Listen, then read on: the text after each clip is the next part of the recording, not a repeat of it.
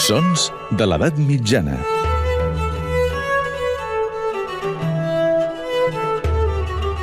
Amb Maria Montes.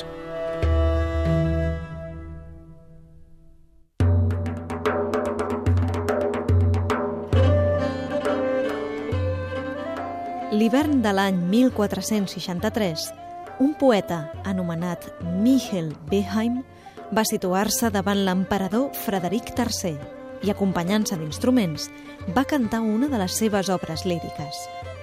Aquella obra, que va esgarrifar Frederic, portava per títol Història d'un boig sanguinari anomenat Dràcula de Valàquia. La presència literària de Vlad III, príncep de Valàquia, va escampar-se amb el poema de Beheim, l'autor més prolífic de l'Alemanya de finals de l'edat mitjana. Considerat el precedent dels Meistersinger, poetes que ja no provenien de la cort, sinó dels burgs, Beheim va escriure aquest poema, de més de mil versos, en què va retratar la crueltat i la tirania de Vlad Tepes, l'empalador. Era fill de Vlad II, a qui anomenaven Dracul, perquè pertanyia a un orde de croats anomenat l'Orde del Drac. Així doncs, Vlad III es va fer anomenar Dràcula, que vol dir fill del drac. Era per a ell un plaer i li donava coratge veure córrer la sang humana.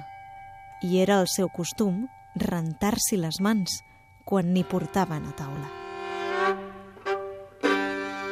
Passatges com aquest, on cal anar amb compte amb les més que possibles exageracions, es basaven en diverses fonts. D'una banda, el manuscrit de Sangal, un document que recull anècdotes sobre Vlad Tepes. D'altra banda, el coneixement directe dels fets, ja que, tot i que Beheim no va conèixer Dràcula personalment, Vlad encara era viu en el moment en què escriu aquest poema, i les seves accions eren conegudes arreu. I a més, Beheim va disposar d'una font directa, un monjo a qui visitava l'abadia de Melk, el germà Jacob, que havia fugit de Transilvània i de les atrocitats de Dràcula. Val a dir que en aquella època Dràcula no s'associava a la idea del vampir, entès com a monstre immortal bevedor de sang, ni es pensava, doncs, que Vlad Tepes ho fos. Aquestes atribucions van arribar anys després, amb textos com el cèlebre Dràcula de Bram Stoker, escrit més de 400 anys més tard. En qualsevol cas, Michel Beheim, en escriure i cantar aquesta obra, va plantar una llavor, la de la fascinació pel malvat, pel monstre que horroritza i que treu a la llum l'ombra que viu amagada dins el nostre inconscient.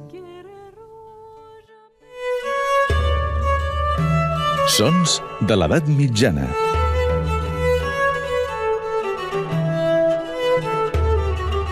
Amb Maria Montes.